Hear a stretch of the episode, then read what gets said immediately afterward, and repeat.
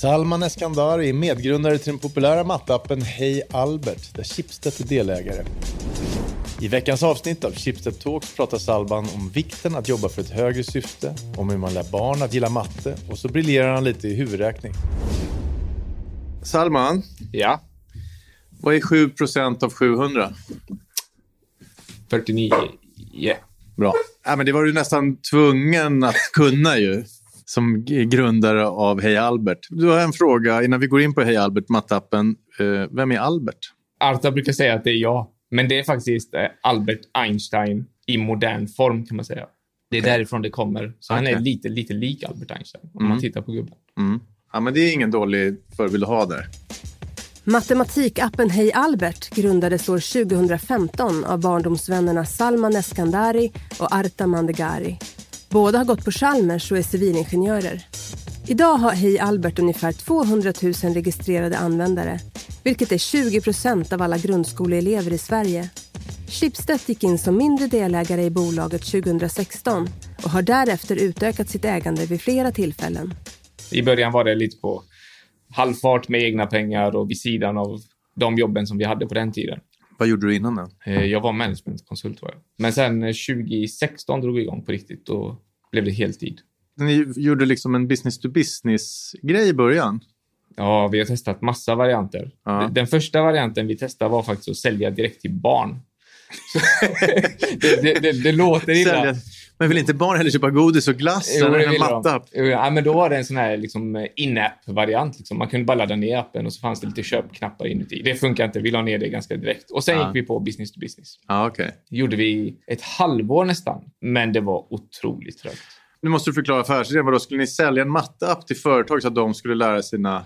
Nej, utan vi sålde till eh, licenser till skolor Ah, och så, så. försökte vi komma in på kommuner också så att kommunerna kunde upphandla till sina skolor. Alltså när ni la ner den idén, vad hände då i företaget?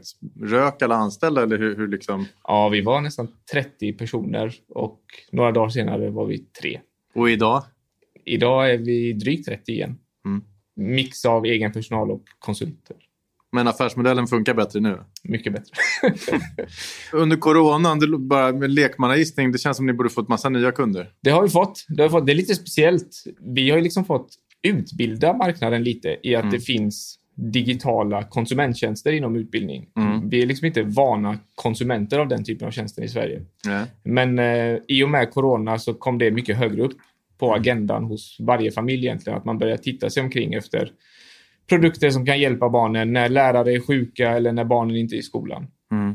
Vi fick naturligt en skjuts i att fler föräldrar letar aktivt efter den här typen av tjänster. Mm. Mm. Eh, Sen har vi kört en lite speciell strategi under corona. Vi har gett bort produkten gratis tills vidare. Mm. Och även det har bidragit till att vi har fått en, väldigt många kunder som har sökt sig till oss Mm.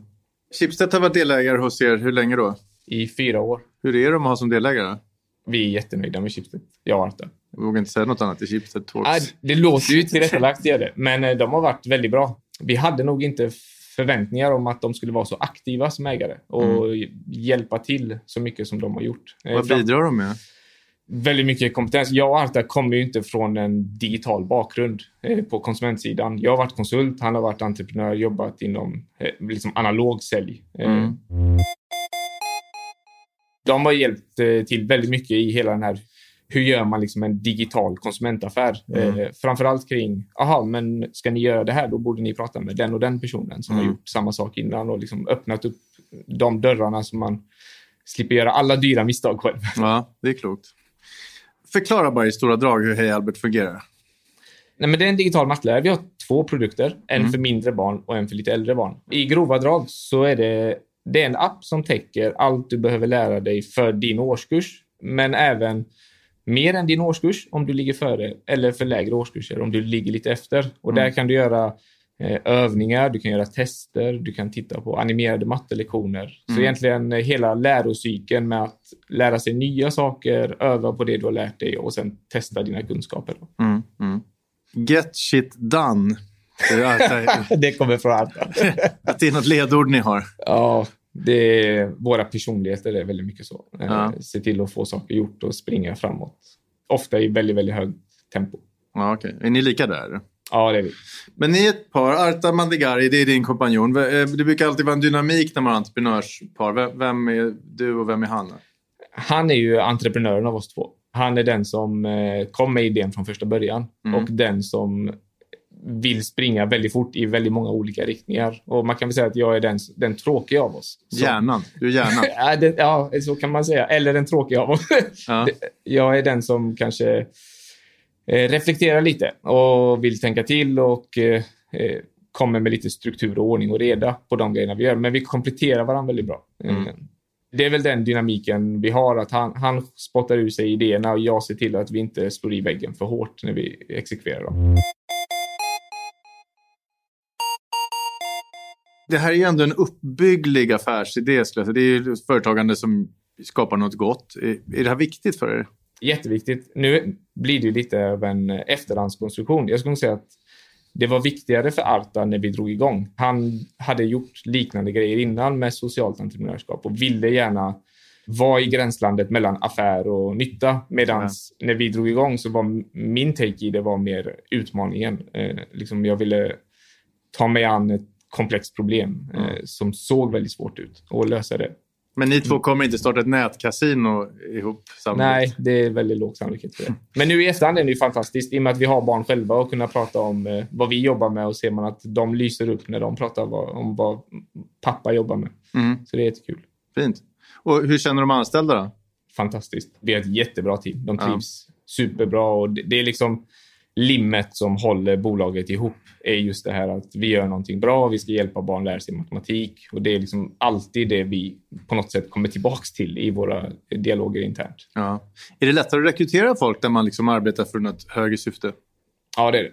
Det är, det. det är ju det som har talat för oss. Eh, Speciellt på en marknad där eh, tech-talang är svår att attrahera. Eh, Alla vill till Spotify och Klarna. Så är det. Så Mm. är det. Det har varit fördelaktigt för oss att kunna prata om Albert och syftet med Albert. Och, Mm. Varför är det så viktigt att kunna räkna? Det finns ju miniräknare man kan slå på. alltså miniräknare tar det rätt långt. Mycket längre än vad du tror. I, i liksom matematik i vardagen så behöver du inte mer än en miniräknare. Men matematik är mycket mer än så. Du övar ju... Matematik hjälper ju dig öva på en problemlösningsförmåga. Mm. Kunna ta komplexa problem och bryta ner dem, lösa dem del för del och, Mm. för att sen lösa hela uppgiften. Det är väldigt få andra ämnen som gör det. Det är egentligen det du övar på i matematik. Logik, resonemang, eh, själva räknandet med plus, minus, gånger, dela med procent. Det, det löser en miniräknare. För precis det du beskriver, det var då jag brakade ihop i matematik. Jag var jätteduktig på mellanstadiet. Jag höll på med liksom multiplikationstabellen och det gick fort. Och sen precis när det skulle övergå, man skulle sitta och hålla på med ekvationer och det skulle i flera steg. Då blev det liksom allmän matte och dåligt. Finns det något sätt att överbrygga det där? Ja, det för, finns för det känns som det är ett gupp där som händer. För många så kommer det guppet mycket tidigare. Ja. För du har i lågstadiet så är matematiken så konkret. Du Ja. liksom räknar med Det kan ha varit där gapet blev för mig också. Det har bara svårt att minnas. Nej, men då vet du vad du gör. Liksom. Ja. Så här, du räknar äpplen, päron, pengar. Men sen kommer du till mellanstadiet Ja. och då börjar liksom matten mer övergå till att du lär dig en metodik. Ja. Hur ska du göra när du har liggande stolen? Var kanske Mm. på din tid då. Nu för tiden så använder man har man inte liggande stolar? Nej, det har man faktiskt inte. Aj Men hur ska du göra när du har ett bråk? Du har ett tal och ett streck och ett tal under. Och så lär man sig liksom hur man ska lösa saker, men inte vad det innebär. Nej. Skulle du fråga tre barn, ni har 15 godisar, hur många får ni var? De löser den direkt. Mm. Det tar 30 sekunder. Mm. Men fråga dem vad 15 delat på 3 är. Nej. Här har man ingen aning. Hej Albert, har ni löst det där på något fint sätt? Vi försöker, så vi försöker ju blanda. Det är ju det fina med att vara digital. Den fysiska boken är väldigt begränsad i hur du kan lära ut. Mm. Medan digitalt så kan du leka då med, med pizza som du skär i olika delar och Just se det. vad det blir i, i liksom bråkform. Eh. Så man får fler verktyg att jobba med för att hjälpa barnen att lära sig på sitt sätt. Liksom. Vad är utmaningen med barn och som får dem att stanna kvar i någonting? För, Ja, men jag tror den största utmaningen för oss när det kommer till barnen det är ju att eh, vi finns på plattan på telefonen och där konkurrerar vi med appar Mm. Fortnite. som är roligare. vara Fortnite för lite äldre barn, det är TikTok, YouTube och du behöver liksom få barnen att... För vi är inte så roliga som de apparna är, vi kommer aldrig bli det, utan där krävs. Inte dopaminbelöningen på samma Precis. sätt. Så man kan jobba med den typen av element, men jag tror ändå att föräldern behöver liksom vara mer aktiv i att stödja barnet i att mm. ja, men nu får du sitta med paddan, men då får du sitta med Albert till exempel mm. och inte använda andra appar.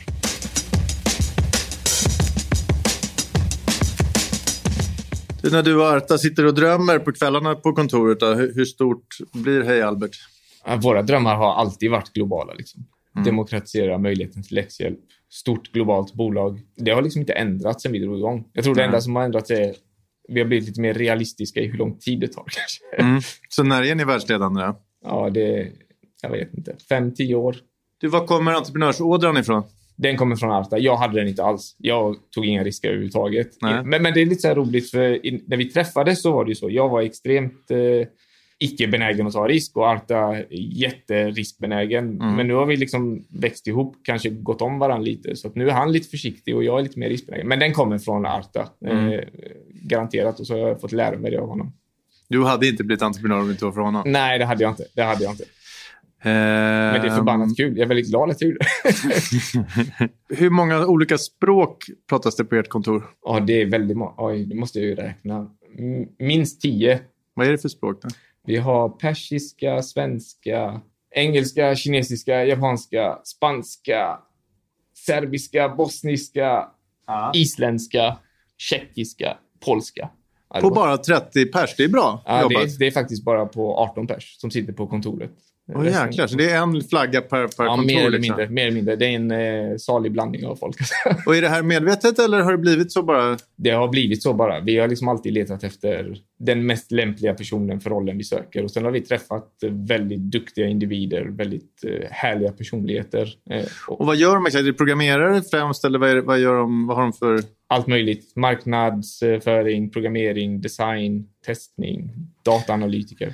Men är det inte bra den här, just den här sortens business att med mångfald på kontoret för att liksom kunna förstå alla olika användare? Jo, det är helt fantastiskt. Det är helt fantastiskt. Och det, det gynnar oss även när vi ska gå och eh, skala upp internationellt. Eh, Mm. Att ha folk som förstår andra kulturer och marknader. Mm. Hur många språk pratar du om här? Jag, jag pratar tre språk. Svenska, engelska, persiska. Mm. Persiska när ni ska ropa till varandra saker som man inte fattar. När vi svär på varandra.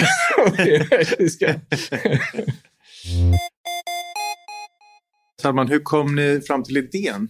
jag höll på mycket med läxhjälp när jag pluggade på Chalmers. Mm. Hjälpte barn ideellt med matte. eh, Mm. Från lite mer utsatta områden i Göteborg. Mm. Det höll jag på med i nästan fyra år. Och sen var det inget mer med det. Men när jag var managementkonsult sen eh, Mm. så hade jag alltid min barndomsvän då, Arta, Mm. som ringde mig. Ni är vänner från, sen ni Ja, var ja, vi har växt upp tillsammans. Ah, så vi fint. känner varandra sedan vi var små. Men han Ja. ringde alltid mig när jag satt i mina möten och så hade han massa konstiga idéer om hur man kunde tjäna pengar på olika saker. Mm. Så 2012 ringde han och ville dra igång en digital begravningsbyrå. Mhm. Jag tyckte inte det var en bra idé, för han ringde alltid mig först och sa ah, men jag tror man Ah. kan göra det här, ska vi inte göra det? Vad är det för fel på digital begravningsbyrå?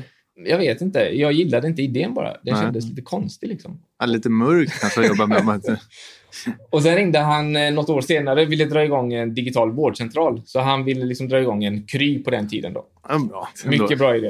Eh, Du sa nej till den? Ja, Det jag, jag, jag brukar säga nu i efterhand att tajmingen var fel. Det hade inte lyckats då. Liksom. Det var Ja, för tidigt. fyra år för tidigt. Ja, kanske. Men sen ringde han en dag och sa, men du, det du gjorde på Chalmers där, skulle man liksom inte kunna paketera det och eh, distribuera det digitalt istället? Så istället för att betala 400 kronor i timmen för läxhjälp kan man inte nå ut till massa för 100 kronor i månaden istället? Mm. Så det var egentligen så den kom till. Så han, han brukar säga så här, men han ringde och sa, kan vi inte ta det du gjorde, kan vi inte paketera din hjärna och Ja. distribuera ut den i en app?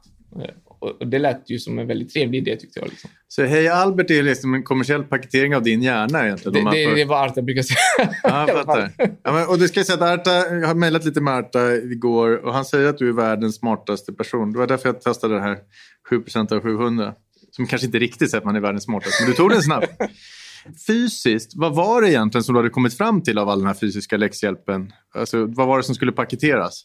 Framför allt är ju att du kan anpassa din pedagogik utefter elevens liksom, kunskap, efter elevens preferens. Är det Mm. någon som är väldigt visuell så kan du gå upp på en tavla och liksom måla trianglar och kvadrater och visa på den vägen. Mm. Eh, Medan du ser att om du har någon som är väldigt teoretisk så kan du eh, dra upp formler. Så Mm. du kan individualisera utbildningen. Eh, Mm. Men det kan inte en fysisk lärare i skolan göra. Det blir liksom omöjligt av naturen. Mm. Eh, Och det är egentligen eh, där som vår vision med Albert kom till. Att så här, kunna ge en helt skräddarsydd läroupplevelse till varje barn utifrån deras behov och vad de kan och Mm. vad de inte kan. Mm. Du är ofrivillig entreprenör då kan man säga. Men man säga. har du någon favoritentreprenör? Får jag svara Arta på den eller? Ja, det är ju smörigt, men det kan du få göra. Ja, men det tycker jag. Och varför är han bäst då? Han är bättre än, än Steve Jobs och Elon Musk. Vi är inte så mycket inne i det här stuket med att titta på vad andra gör och liksom den här entreprenörsvärlden, den är ju väldigt speciell. Vi Verkligen. är mer av att eh, så här, kavla upp armarna, köra hårt, jobba mycket, jobba hårt och ta oss framåt. Eh, Mm. Hur många timmar i veckan jobbar du? Jag jobbar hela tiden. Liksom. Mm. Sen, eh, Hur, hur balanseras det med familje... det gör det inte. Det blir lite givande och tagande. Liksom. Man får ta perioder när man kan och när det är lite lugnare att eh, kompensera det. Men, eh, men det är svårt att sluta jobba. Mm. Stort tack för att du var med i Chipset Talks. Tack själv. Podcasten görs på uppdrag av Schibsted Employee Branding Team och går att höra på de vanliga podcastplattformarna. Prenumerera gärna på den. Jag heter Hugo Renberg och producent var Jens Back.